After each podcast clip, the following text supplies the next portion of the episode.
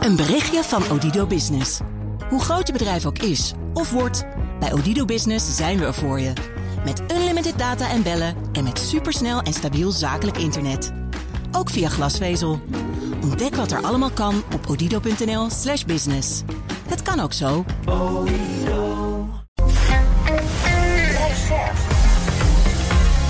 BNR Nieuwsradio. BNR breekt. Ivan Verrips. Goedemorgen en welkom. Vanaf half twaalf praat ik over het nieuws van de dag. Over duurzaam beleggen. Dat blijkt een erg breed begrip, want duurzame beleggingsfondsen blijken vaak ook in fossiele bedrijven of bijvoorbeeld de luchtvaartsector te investeren. En we hebben het over een café in Nederland dat goedkoper is dan een biertje op zich. In mijn panel vandaag. Tammy Schoots, transgenderactivist, sectorraadslid bij FNV Jong. Goedemorgen. Goedemorgen. Fijn dat je er weer eens bent. Ja. En Pieter Lossi, adviseur van de VL-raad. Goedemorgen. Goedemorgen. Goed dat je er bent. We gaan beginnen met... BNR breekt. Breekijzer. En dat breekijzer heeft te maken met... Ja, het WK voetbal in Qatar. Vanmiddag om 4 uur de wedstrijd Nederland-Qatar. Maar ondanks dat Nederland zich moet plaatsen... lijkt de grootste strijd zich af te spelen op de tribune. Want geen koning, geen minister-president... maar Connie Helder, minister voor Sport, zit als afgevaardigde... namens het kabinet op de tribune vandaag. Maar haar bezoek is niet onomstreden. De Tweede Kamer wilde eigenlijk niet dat het kabinet zou gaan. Het kabinet gaat toch. En wat moet minister Helder nu doen? Moet zij die One Love-band gaan dragen... net als de Belgische en Duitse minister? Moet ze helemaal niets doen om onze relatie met Qatar niet op het spel te zetten? Of moet ze dat One Love speldje gaan dragen, wat de KNVB adviseert? Maar ja, staat in een beetje een laf compromis. Ons breekijzer is streng vandaag. Minister Helder moet een statement maken in Qatar. Wat vind jij? Pak je telefoon als je wil meepraten. 020 468 4 keer 0 Dus 020 468 4 keer 0 is ons telefoonnummer. En ons breekijzer is dus minister Helder moet een statement maken in Qatar. Ik ben heel benieuwd hoe jij erover denkt. Uh, 020 468 4 keer 0 En je kan ook van je laten horen via onze uh, Instagram-pagina. Daar heten we BNR Nieuwsradio. Um, kan je stemmen, maar het leukste is even bellen dus. Nog één keer het nummer noemen? Ja, oké. Okay. 020 468 4 keer 0 Zometeen hoor je mijn panelleden erover denken. Maar ik begin bij Sandra Meeuwsen. Zij is directeur van het Erasmus Center, Center for Sport Integrity and Transition... aan de Erasmus School of Philosophy. Goedemorgen, Sandra. Ja, goedemorgen. Fijn dat je erbij bent. Ons breekijzer vandaag. Minister Helder moet een statement maken in Qatar. Nou, het gaat dan echt gebeuren. Over vijf uur. Wat vind jij?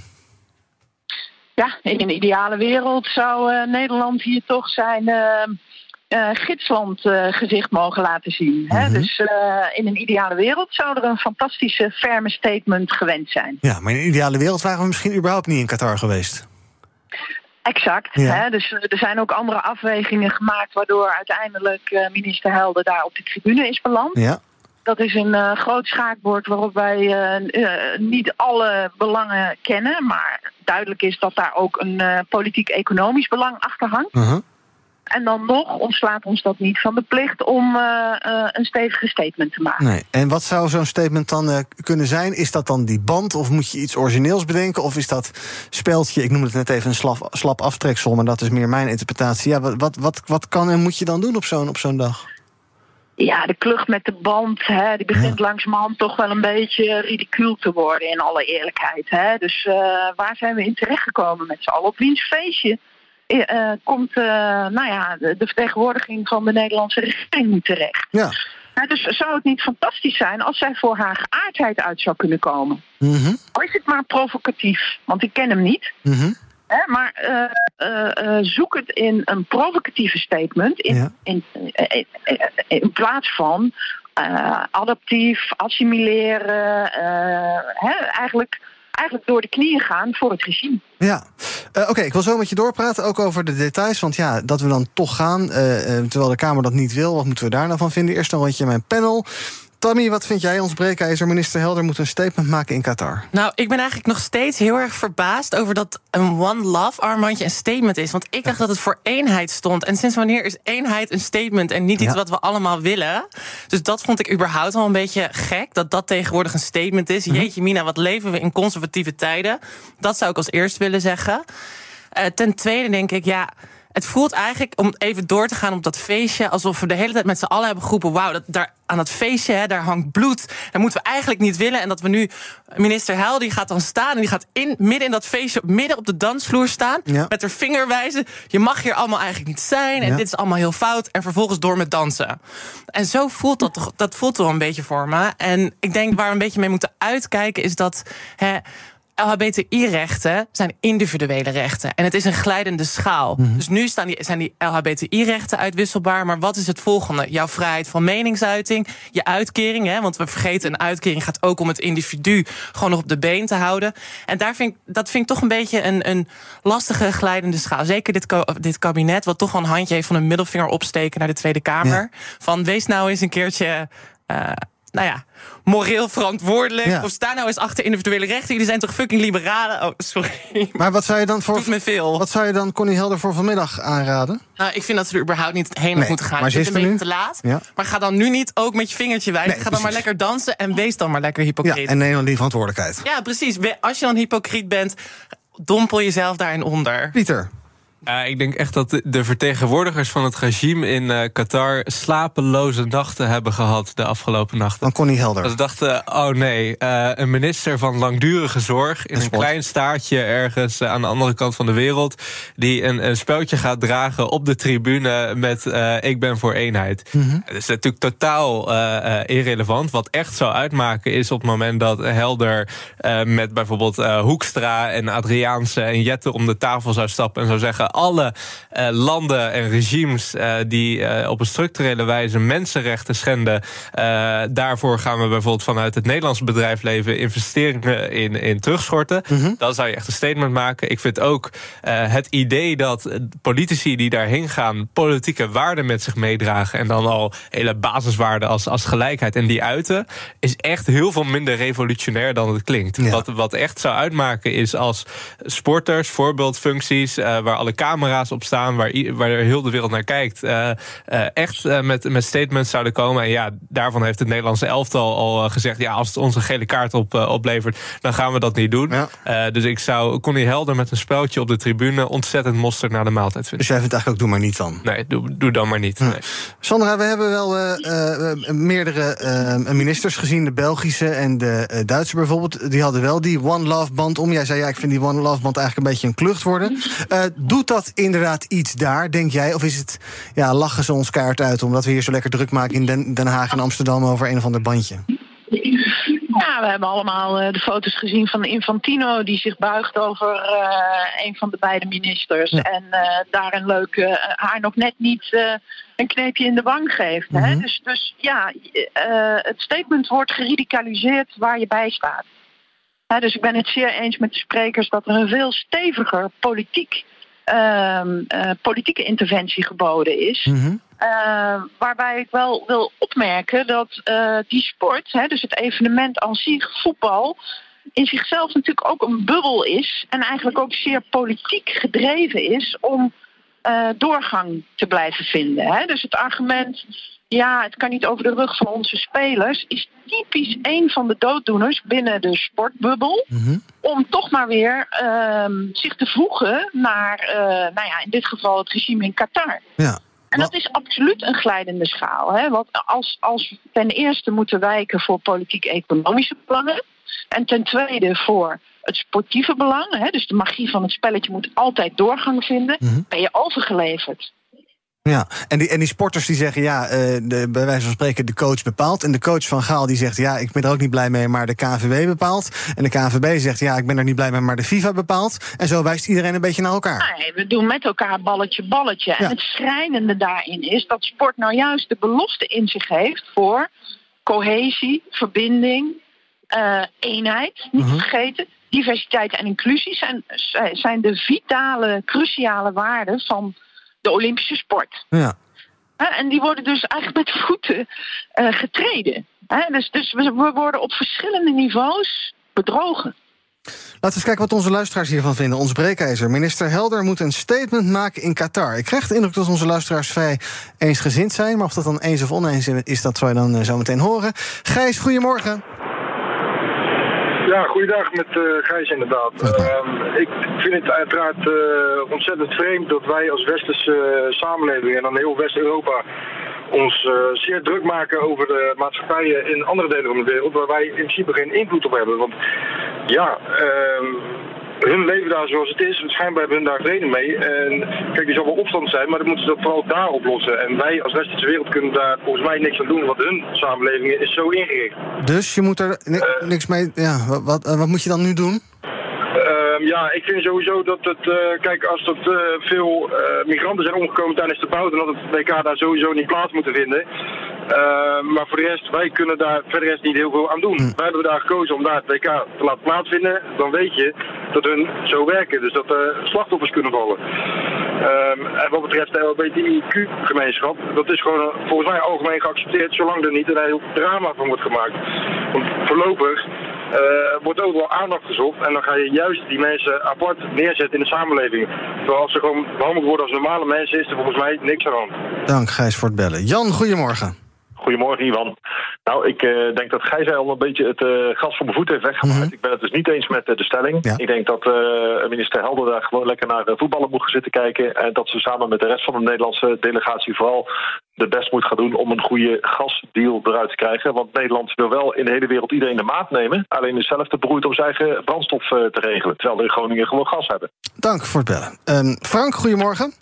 Goedemorgen met uh, Frank Koning. Uh, ik heb een bedrijf, ik lever heel veel aan uh, Qatar, kom er veel.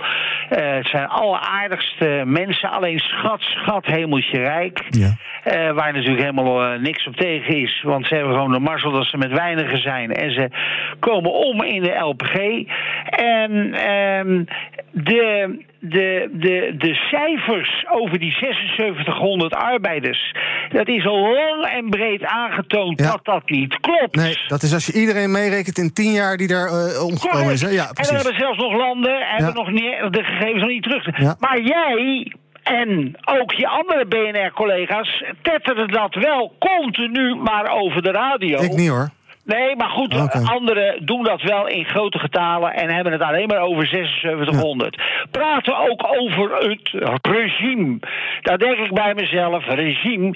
A, ze schenken alle stadions die daar staan, die daar nieuw gebouwd zijn, ja. die schenken ze weg, die gaan naar de derde wereld en worden op hun kosten worden die weer opnieuw opgebouwd. Ja, ze willen er zelf ook niet slechter van worden, toch?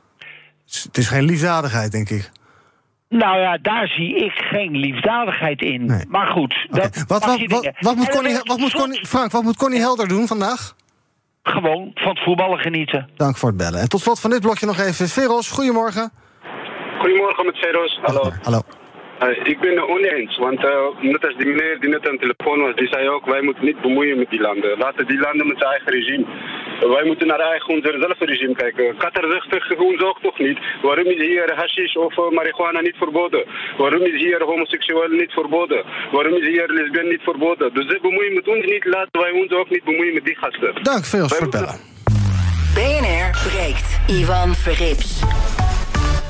In mijn panel vandaag Tammy Schoots, transgenderactivist, sectorraadslid bij FNV Jong. Pieter Lossi, adviseur van de VO-raad. Ook bij me is Sandra Meeuwse, zij is directeur, directeur van het Erasmus Center for Sport Integrity and Transition. En we praten over ons breekijzer. Minister Helder moet een statement maken in Qatar. Als u wil reageren, 020 468 4 keer 0 Dus 020 468 4 keer 0 um, Pieter, nou was het verhaal van het kabinet. Ja, wij gaan daarheen, omdat wij natuurlijk ook uh, belang hebben. Qatar heeft ons zo goed geholpen bij het uh, weghalen van mensen uit Afghanistan. En um, Qatar gaat LNG leveren.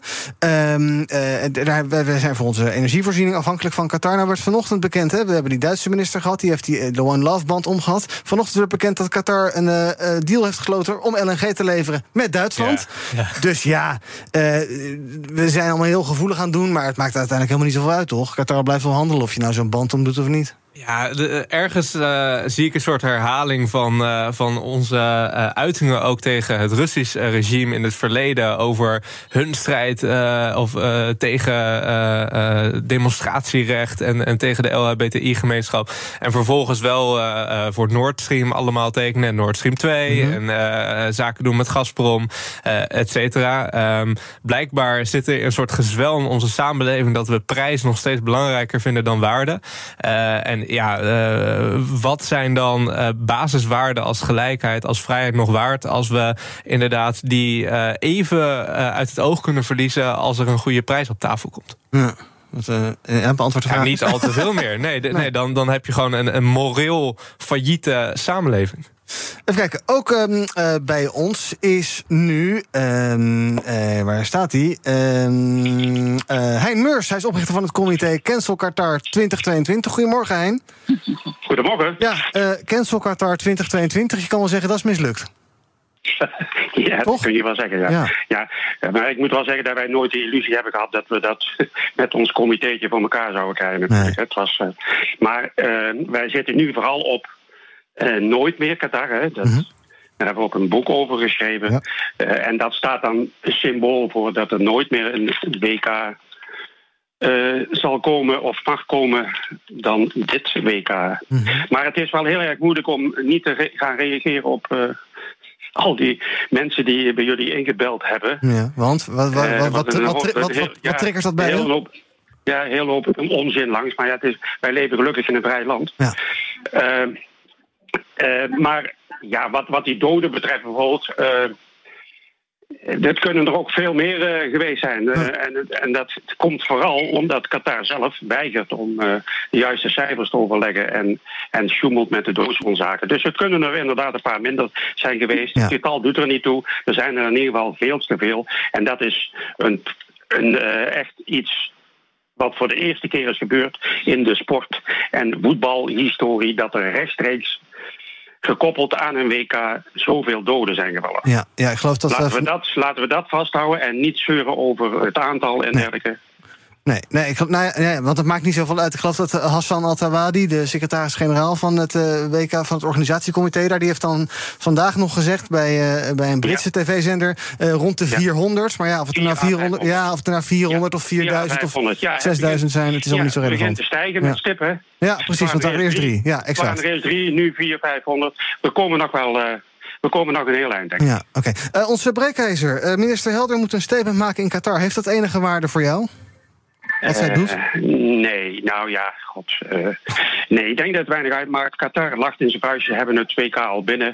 En alles wat er nu allemaal gebeurt, ja, dat, uh, ja, dat zouden ze niet prettig vinden. Ze hadden natuurlijk liever dat, dat het één groot succes zou worden. Dat hebben ze ook voorspeld. Dat mm. is wel mislukt, denk ik. Maar ja, ik zou willen dat het veel meer zou gaan over de echte problemen. We hebben het helemaal niet meer over de misstanden, over de arbeidsmigranten, over de nabestaanden, de mensenrechten. Uh, we neuzelen alleen maar over bandjes mm -hmm. en speldenprikjes en dergelijke. En het gaat helemaal niet over uh, de problemen zelf. En dat, dat vind ik echt een uh, hele trieste ja. ontwikkeling. Nou, je zegt, we hebben het niet over mensenrechten en dergelijke. Connie Helder is dus vanochtend geland daar. Die heeft een gesprek gehad met Ali bin Samik Al-Mari... de minister van Arbeid van Qatar. Dus daar nou, ja. nou, dat, nou dat, is, dat is dan mooi. Ja. als, als ze achter de schermen uh, en echt achter de schermen en achter de façade kan komen, mm -hmm. dan, is, dan is dat geweldig natuurlijk. Ja, dat, is... dat, geldt, dat geldt ook voor. Uh, voor journalisten die daar zijn, en, ja. die, en die zijn er ook in Nederland, die, uh, die echt moeite doen om, uh, om door de façade heen te prikken ja. en, en op plekken gaan uh, waar, waar, waar het leed is. Ja. En, en, en dus niet in die megalomane en decadente accommodaties. Maar daar moeten we dus niet cynisch over doen, over dit soort pogingen om daar wel iets, uh, wel iets te bereiken.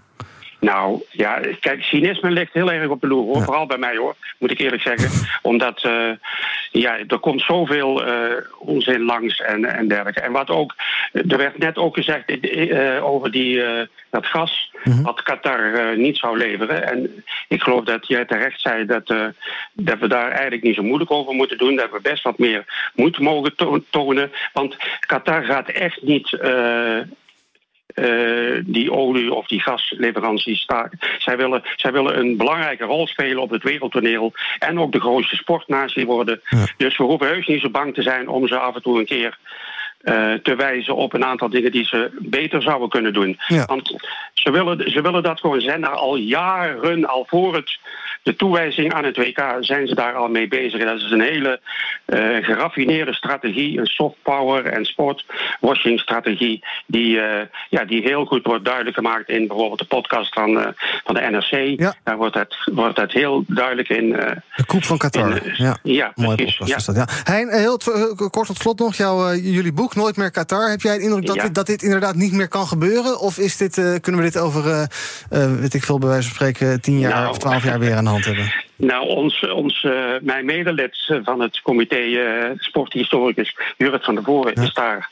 En, en ja, hij heeft recht van spreken natuurlijk, want hij heeft erover doorgeleerd. Die zegt dat, eh, dat, dat het echt nog wel gaat gebeuren. Saoedi-Arabië heeft nu al, de, geloof ik, de Olympische Winterspelen eh, binnen en, en, en dat soort zaken. Dus ja, hij is er eerlijk gezegd nog niet zo heeft er nog niet zoveel vertrouwen in. Ik zelf sta er iets anders in. Het zal heus niet eh, volgende maand al gebeuren, maar ik heb wel de indruk dat er toch een soort van kantelmoment is, waarin heel veel sportliefhebbers over heel de wereld, maar er is in Europa is dat inderdaad sterker dan in, in andere werelddelen. Dat, dat klopt, maar ook daar is het dat er toch een kantelmoment is. eh, dat mensen zeggen, nou, tot hier en niet verder. Nooit meer Qatar. En, en, dat, en dat daar eh, mensen zich voor in gaan zetten. En het zal een hele klus worden om dat te bereiken. Want eh, de FIFA is natuurlijk een enorm machtig, Ja. een machtige bond. Die, eh, met name die, Ja. die bonden in, in Afrika en dergelijke. Er zijn er tientallen helemaal heeft omgekocht. En ja, die, dus die stemmen, die stemmen allemaal op hun en op Infantino. En dan, ja, dan zitten we weer een paar jaar aan Ja. vast. dan. Veel werk aan de winkel, maar je bent dus wel enigszins eh, optimistisch. Dankjewel, Hein Meurs, oprichter van het comité Cancel Qatar 2022. Dan wil ik gelijk ook even aan eh, Sandra voorleggen. Dat nieuws dan dat Connie Helder buiten die afspraak in dat stadion... dus ook ja, allerlei af- andere afspraken heeft, meerdere gesprekken heeft over... zegt ze, de brede relatie met Qatar... en in het bijzonder over de mensenrechten. Is dat iets wat jou eh, cynisch maakt? Of nou ja, is dat, kan het beter mee verlegen dan onverlegen?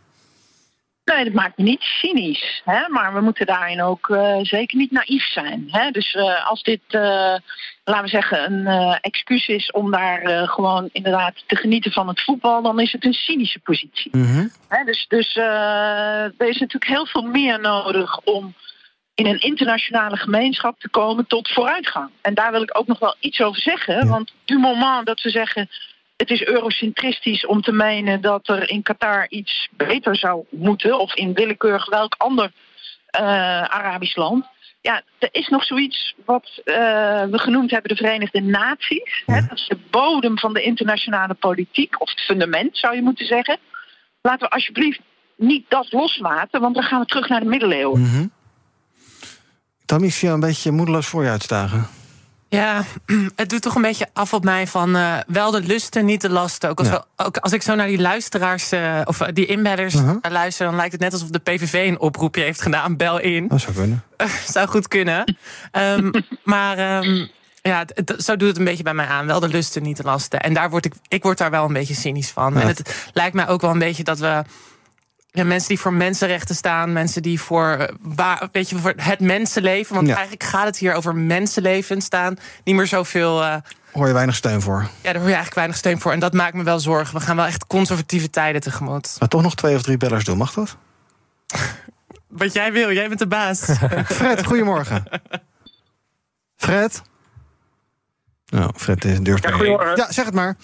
Goedemorgen, ik ben met Alfred Dekker. Ja, ik eh, ben het niet, eh, niet eens met de stelling. Ik denk niet dat ze een statement moet, eh, moet gaan maken. En de simpele reden is dat we inderdaad vanuit eh, Europa, het Westen, om het zo maar te zeggen, heel vaak met een wijzend vingertje eh, klaarstaan. Ehm, maar ja, en, en, niet kijken naar de drie vingers die terugwijzen. Uh, drenkelingen, vluchtelingen die in, in, de Middellandse Zee en Noordzee verdrinken. Arbeidsmigranten uit Oost-Europa die we hier uitbuiten. je moet niet te snel roepen als je ergens te gast bent, denk ik. En als je wil dat Qatar ons serieus neemt, dan kun je beter als koopman optreden. Dan had je denk ik beter mevrouw Kaag kunnen sturen, die daar ook nog de taal spreekt en de cultuur kent. Dankjewel voor het bellen, Fred. En tot slot, Timo, goedemorgen. Ja, goedemorgen, Ivan. Uh, ik uh, vraag me af, als je te hard drukt op de zere plekken van Qatar... of dan de lage lonensector in Nederland niet een beetje in de problemen komt... en dat daar uh, wat weerstand uitkomt om al te genereus kritiek te leveren. Want, hoe bedoel je dat? Nou, er, wordt, er, wordt, er is hier ook, ook wel sprake van uitbuiting in Nederland. En, en uh, er gaat ook al een en ander mis. En mensen zijn ook geld gedreven. Dus als je al te hard uh, naar een ander wijst, dan kan je ook uh, wel eens gedwongen moeten worden om in de spiegel te kijken. En ik weet niet of alle werkgevers daar zo op zitten te wachten. Timo, dank voor het bellen. En dank jullie allemaal voor het bellen. Dank ook aan Sandra Meeuwse, directeur van het Erasmus Center for Sport Integrity and Transition. Aan de Erasmus School of Philosophy. Fijn dat je bij ons was. Ons breekijzer vandaag. Minister Helder moet een statement maken in Qatar. Op Instagram is het een beetje 50-50. 53% is het daar eens, kleine meerderheid dus. En dan altijd de vraag die je dan hoort te stellen. Ga je wel kijken? Vier uur vanmiddag? Nee, maar ik kijk sowieso al niet. Ook niet als we verder in de finale en zo? Nee, nee ik verwacht dat niet eigenlijk. Pammy, ga je kijken? Nee, natuurlijk niet.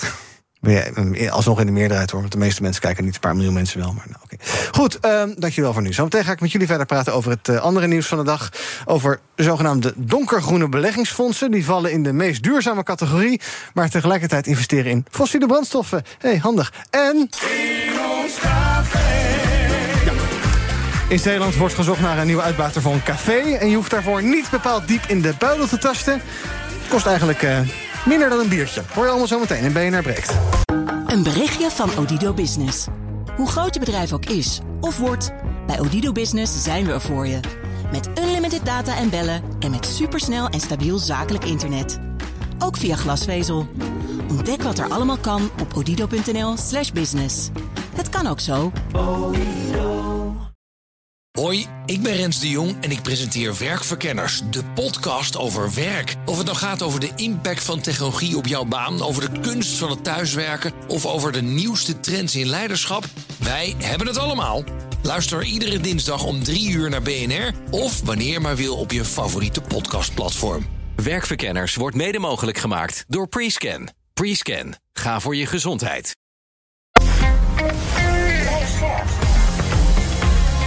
BNR Nieuwsradio.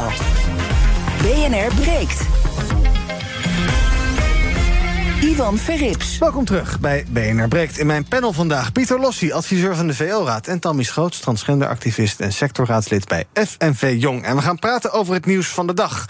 Vanochtend in het nieuws een onderzoek van uh, Follow the Money, Investico... en acht uh, andere Europese media... waaruit blijkt dat het prima zou kunnen zijn dat je denkt... dat je geld belegt in een uh, duurzame en groene toekomst... maar dat jouw geld dan eigenlijk wordt geïnvesteerd... in de fossiele industrie en de luchtvaartbranche. Blijkt dus uit dat onderzoek. Die hebben die clubs, Follow the Money, Investico en die andere acht... die hebben portfolio's van Europese beleggingsfondsen... die zichzelf indelen in de meest duurzame categorie onder de loep genomen. En wat blijkt dan? Bijna de helft van die beleggingsfondsen heeft aandelen in fossiele bedrijven... voor in totaal ruim 8,5 miljard euro. En dat, Pieter, lijkt me toch niet helemaal de bedoeling... of is het onontkoombaar of ja, dat is toch niet helemaal niet het idee als je een groen fonds uh, er je geld in steekt. Nee, ja, dan, dan kun je je uh, fonds beter gewoon uh, greenwashing noemen. Gewoon benoemen waar het op staat. Nee, ik was echt wel een beetje boos toen ik het las. en, en tegelijkertijd ook niet geheel verbaasd. Want ik moet zeggen dat ik zelf ook wel eens gekeken heb naar ehm, waar kan mijn geld staan, waar het positieve impact kan hebben buiten de bank. Mhm. Dat ik allerlei fondsen kreeg aangeraden van mijn vrienden. En dat ik inderdaad dan even ging kijken naar de, de aandelenpakketten die daar daar dan onder zaten. Dat ik allerlei troepbedrijven, fossiele bedrijven... Kinderhandel. Zo. Ja, oprecht. Powered bij Pieter Lossi. Ja. nee, dat niet. Uh, en dan, dan heb je eigenlijk... Dat is dus één categorie. Dus heel veel fondsen die echt in fossiel uh, investeren. En dan heb je nog een paar andere fondsen. Die zeggen, ja, wij, wij investeren niet in fossiel. En daarmee zijn we groen. Maar dat zijn vervolgens de fondsen die in, in Apple en in Amazon en in McDonald's uh, investeren. Dus ook allemaal bedrijven die echt niet gaan bijdragen aan die transitie naar die, naar die fundamenteel duurzame wereld. Dus het is weer gewoon uh, gemak van een financiële sector die denkt: hey, we hebben een nieuw trending naampje genaamd duurzaamheid. Mhm. En we kunnen daar heel veel geld uit halen. mensen vallen daardoor door die, de, de informatieasymmetrie die, die ook bestaat. En je hebt vervolgens een autoriteit financiële markten zonder tanden. Die eigenlijk op de onderzoeksresultaten zei: ja, wel interessant, we gaan er eens naar kijken. maar gewoon misleidend wat jou betreft dus. Het is gewoon misleidend. En als vervolgens die fondsmanagers gevraagd wordt van ja, waarom zitten jullie dan in de luchtvaart? Dan is het antwoord letterlijk van ja, de luchtvaart heeft ook doelen om uh, te gaan reduceren in broeikasgassen. Nou, het is echt uh, totale godspe. Ik zie dan weer een paar keer nee schudden vanuit mijn rechterooghoek. Nou, toen ik dat stuk van Follow the Money las, toen stuit ik wel op een onbegrip voor Europees recht. En dat moet ik denk wel even uitleggen. Mhm. Want we hebben het hier over artikel 9 fondsen. Artikel 9 van een uh, stukje uh, wetgeving vanuit de EU heet Service Financial Directive. Mhm. En ik heb dat artikel opgezocht. En dat artikel zegt niet, we moeten het zo goed mogelijk maken. Het zegt, het is een balanceeract tussen traditionele investeringen en duurzame investeringen. Mhm. En daar zit ook een redenering achter, want dit komt vanuit de Europese Unie. En de Europese Unie heeft niet een exclusief recht om wetgeving te maken over duurzaamheid. Zij kunnen dus niet zeggen in die wetgeving van, oh jullie moeten alleen maar focussen op duurzaamheid. Er is namelijk al eerder een zaak geweest, dat heet tobacco advertising. Daar ging het over dat uh, de Europese Commissie die wilde verbieden dat, uh, dat, je mocht, dat je mocht adverteren met sigaretten. En toen zei het Hof: nee, nee, nee, nee, nee, dat mogen jullie niet. Jullie mogen alleen maar op focussen op de economie, mhm. niet op gezondheid. En daar zit dus wel een idee achter. De Europa, Europa kan dit helemaal niet reguleren. Mhm. Ten tweede denk ik ook dat we onze pijlen verkeerd rechten. Ik vind het wel van Pieter echt een beetje selectieve verontwaardiging. Want onze overheid, hè, onze eigen overheid, investeert 48 miljoen per dag in de fossiele industrie. Mhm. En dan gaan we die paar kleine, kleine investeringsfondsen ja, het lijkt misleidend. Ja, er is een soort op eerste oog lijkt het op bedrog. Maar ik vind echt dat we onze pijlen op de verkeerde richten.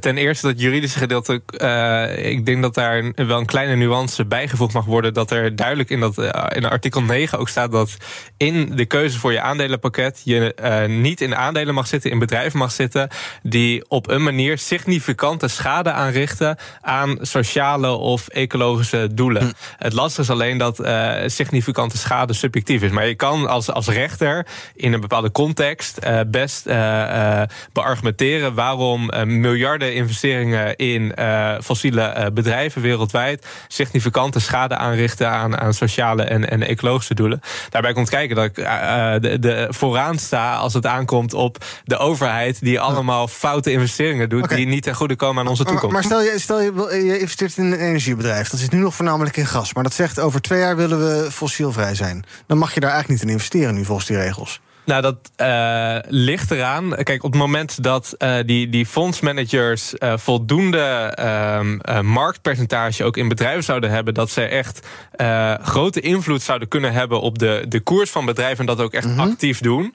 en, en daarmee eigenlijk gaan impact beleggen. Ja, dan, dan zorg je ervoor dat, dat bedrijven de goede kant op gaan. En we hebben in het verleden ook wel gezien grote energiebedrijven uit bijvoorbeeld Scandinavië, die echt die duurzame transitie hebben gemaakt. Het ding alleen dat bij bij deze fondsen, dat zijn veel meer passieve fondsen, omdat je heel veel diversificeert uh, uh, en daardoor niet op allerlei schaakborden heel actief kan inzetten. Dus dat gaat veel meer uit van passiviteit dan dat je echt uh, inzet op een bepaalde koersverandering.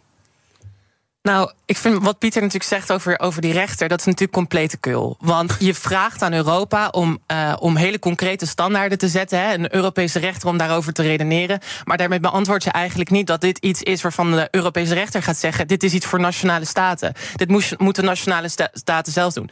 En ook een rechter gaat waarschijnlijk zeggen: van ja, maar dit is iets wat de politiek moet uh, regelen. En wij stemmen in Nederland gewoon echt heel erg rechts. Hm. Dus daar ga je gewoon niet uitkomen op die manier. En wat mij gewoon heel erg erg ook aan het stuk van Follow the Money, werd er meteen weer naar Europa gewezen.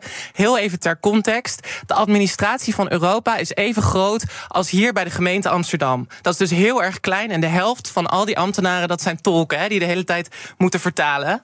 Um, dus je vraagt iets aan Europa, maar je geeft het niet de competentie om dat te doen. En daar zit constant een soort spanningsveld. Dat ik denk, ja, je wil dat Europa goede normen zet. Je wil dat Europa gaat reguleren op het gebied van duurzaamheid. Maar Europa krijgt niet die competentie. En krijgt niet de financiële middelen om dat te doen. Dus dat, dat ergert mij altijd een beetje aan dit soort artikelen. Naar Europa wijzen. Voor nu, wat zou een uh, oplossingsrichting kunnen zijn? Je kan in ieder geval beter communiceren, toch? Wat er in, in, in pakketten zit.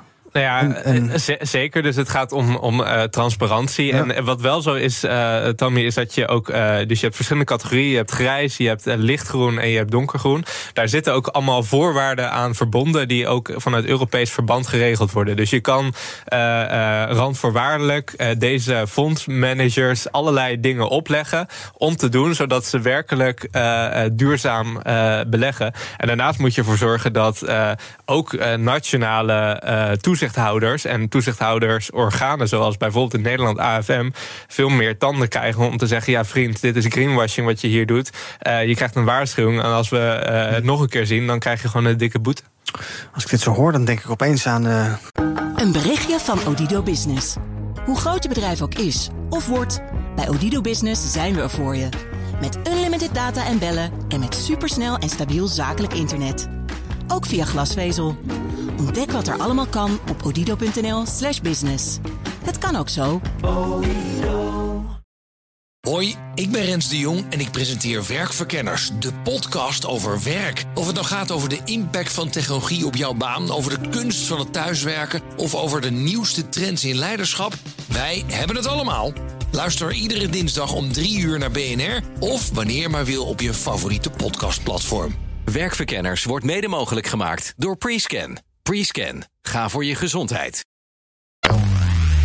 BNR breekt. Is het Thomas?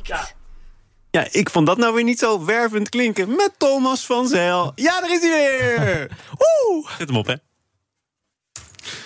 Ter kennisgeving aangenomen. um, we gaan nog even praten over ander nieuws eh, van vandaag. Ik weet niet wat ik met Thomas aan De NCTV, de Nationaal Coördinator Terrorismebestrijding en Veiligheid... zegt dat wij uh, niet goed uh, voorbereid zijn op een ramp. doet hij in het Algemeen Dagblad. Binnen een paar weken komt een campagne... waarin Nederlanders erop wordt gewezen dat zij zich 48 uur moeten kunnen redden... zonder gas, water en stroom als er een ramp of een cyberaanval plaatsvindt. En dan is mijn vraag... Um, wat zit er in jullie noodpakket en ligt dat al klaar in je kelder ergens, uh, Tammy? Nou, toen ik dit bericht las, toen dacht ik echt... Luister, iemand, luistert iemand überhaupt nog naar de NCTV? Het is natuurlijk super legitiem wat ze zeggen... maar het is, ze zijn al heel lang soort met rode bellen aan het... Aan het weet je wel, en, en moord en brand aan het schreeuwen. Want er is heel veel aan de hand. Laatst zeiden ze ook, ja, extreem rechts begint steeds gewelddadiger te worden... en we horen de minister van Justitie over woke praten. Mhm. Die worden gewoon echt niet serieus genomen. Het is echt tien voor twaalf. Een ramp kan zomaar gebeuren. En nee, ik heb niet een, een pakket. Dus dat moet ik ga ik bij deze, als ik hier klaar ben, ga ik meteen een pakket halen. Nog een paar vaccinelichtjes thuis liggen? Nou, laatst viel de stroom bij mij uit. En ik merkte toen dat ik echt helemaal niks had. En daar schrok ik wel een beetje van. Het was echt de hele dag was de stroom uitgevallen. En om vijf uur werd het donker. En ik dacht, ja, maar hoe ga ik nu zien? Oké, maar goed, dat is wel een serieus probleem. Ja, nou ja, ja en mijn mobiel was leeg. Dus ik dacht echt van ja, we zijn eigenlijk echt hulpeloos zonder elektriciteit en technologie. Pieter, heb jij een waarschuwingsfluitje thuis liggen? nee, dat moet in je noodpakket volgens crisis.nl. Ik hoop wel dat mijn NL Alert gewoon uh, kaart gaat piepen als er, uh, als er iets gebeurt. Ja. Ik heb wel, het heeft er misschien niet heel erg mee te maken, maar echt een unit van een powerbank uh, laatst gekocht waarvan ik denk, nou ja, dan ben ik in Kan je de hele wijk mee opladen? ja, zeker. nee, ik vind het eigenlijk wel een goede oproep. Vooral omdat ik heel erg geloof in het principe, je weet niet wat je niet weet.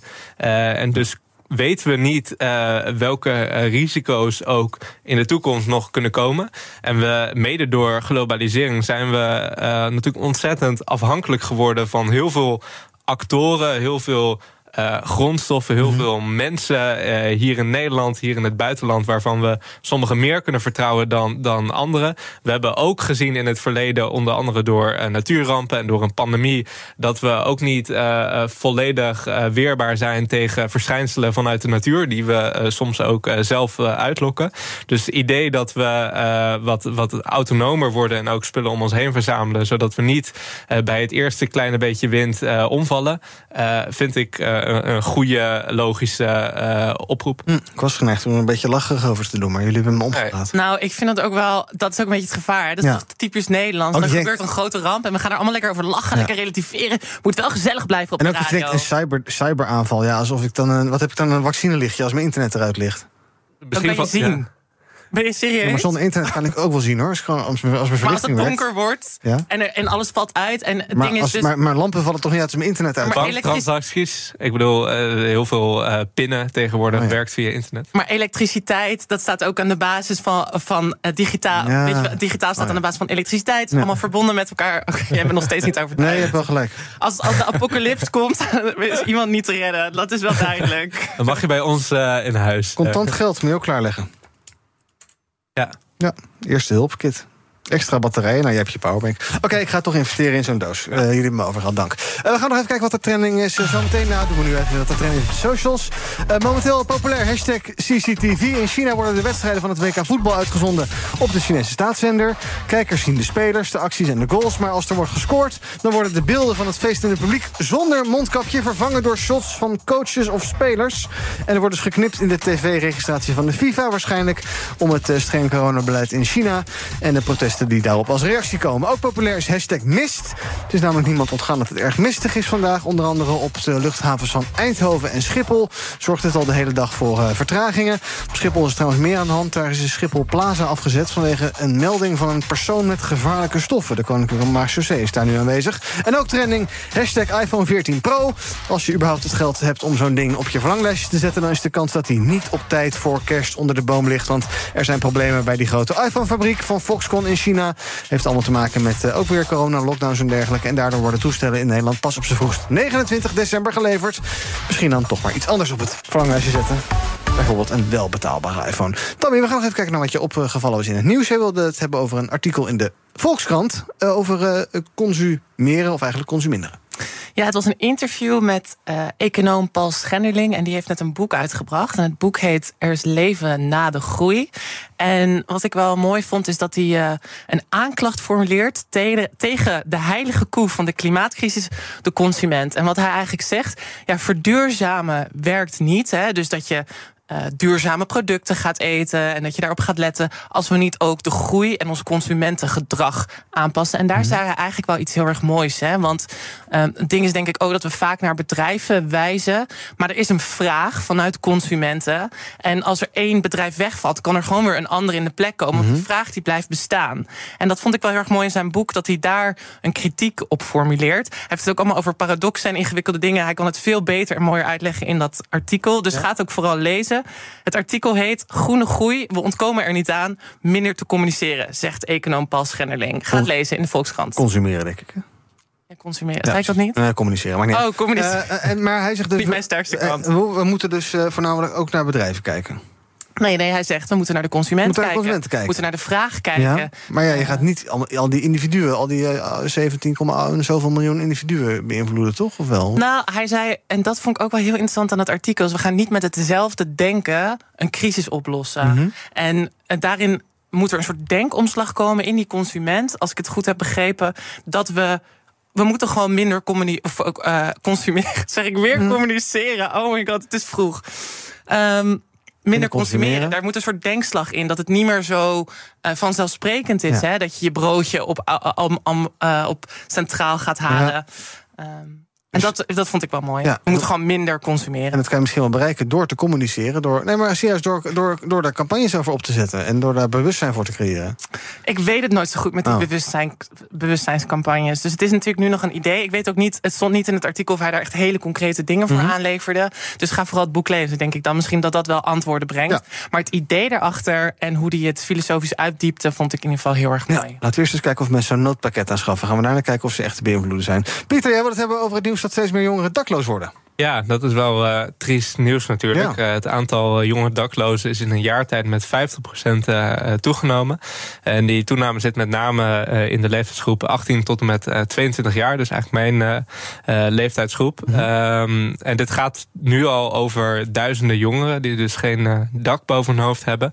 Maar waarschijnlijk zijn er ook nog heel veel duizenden jongeren gewoon uit beeld. Omdat ze niet bij instanties staan aangegeven als daklozen.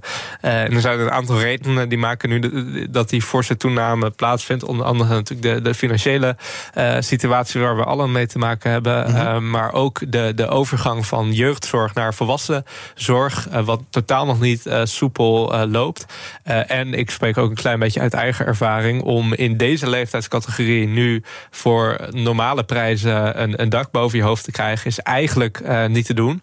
Uh, en dat terwijl in het uh, coalitieakkoord beschreven stond en ook duidelijk uh, Maarten van Ooyen, uh, minister, uh, heeft uitgesproken, staatssecretaris moet ik zeggen, om daklozen in Nederland zo snel mogelijk van een dak te voorzien. Mm -hmm. Ja, blijkt dat, dat die ambities op korte termijn in ieder geval nog totaal niet werken in de praktijk. en volgens mij vraagt het dus dat we die vele tienduizenden daklozen in Nederland die we op dit moment hebben, dat daar heel snel een actieplan voor wordt gemaakt. Echt gewoon een crisisplan bijna.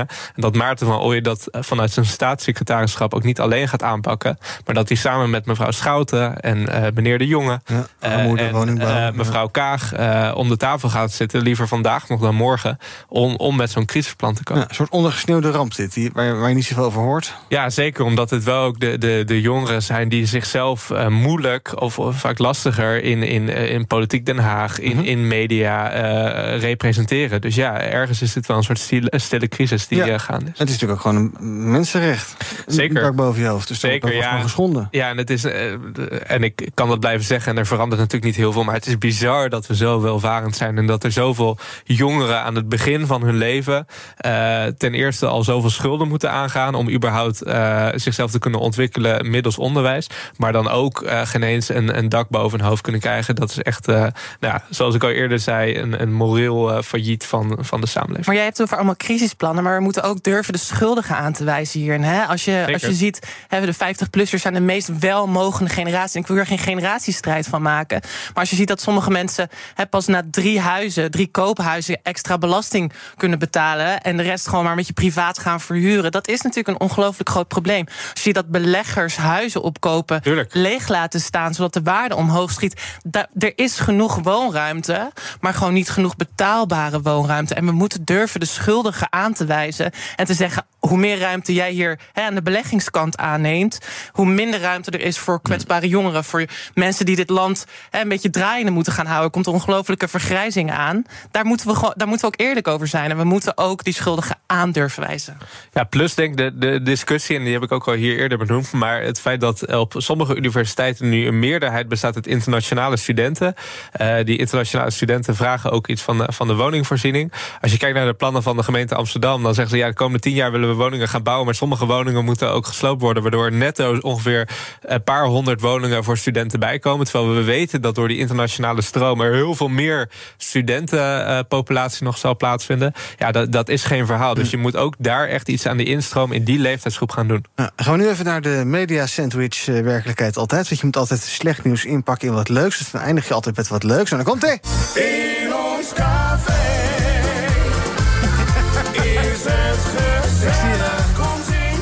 Zenuwinstinctie krijgt. Geef jullie even een foto van deze gezellige bruine kroeg. Want in Westdorp in Zeeland kan je een café snel en makkelijk overnemen. Namelijk voor niets.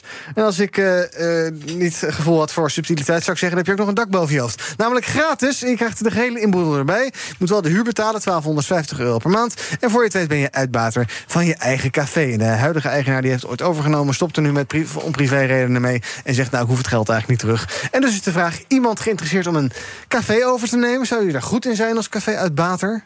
Nee, totaal niet. Waarom nee, niet? Ik, ik, ben je geen gezellige café? Nee, dat sowieso niet. En, en ik, ik, drink ook geen alcohol. Dus dan is Hoeft dat sowieso. Nou, ik denk wel dat dat een pre is als je in een café werkt. Wat vind je van het, van het café? Omdat je het ziet zo, Tammy? Nou, ik denk dat dit echt een heel mooi, uh, mooi verkameren. Kan je zeker vier jongeren inzetten. ja. Ik denk dat het heel mooi wordt. Ja. Laat het de gemeente opkopen ja, en, en aan kwetsbare jongeren. En vraag je 1600 euro per maand voor uh, zo'n appartement? Als je het verkamert. Ik zie, als ik het zo bekijk, en even voor de luisteraar. Het, is, het heeft twee verdiepingen, of één verdieping. En waarschijnlijk ook nog wel een zolderkamertje. Er kunnen zeker zes tot acht jongeren wonen. Nou, 1600 euro gedeeld door 6 tot 8. Ja.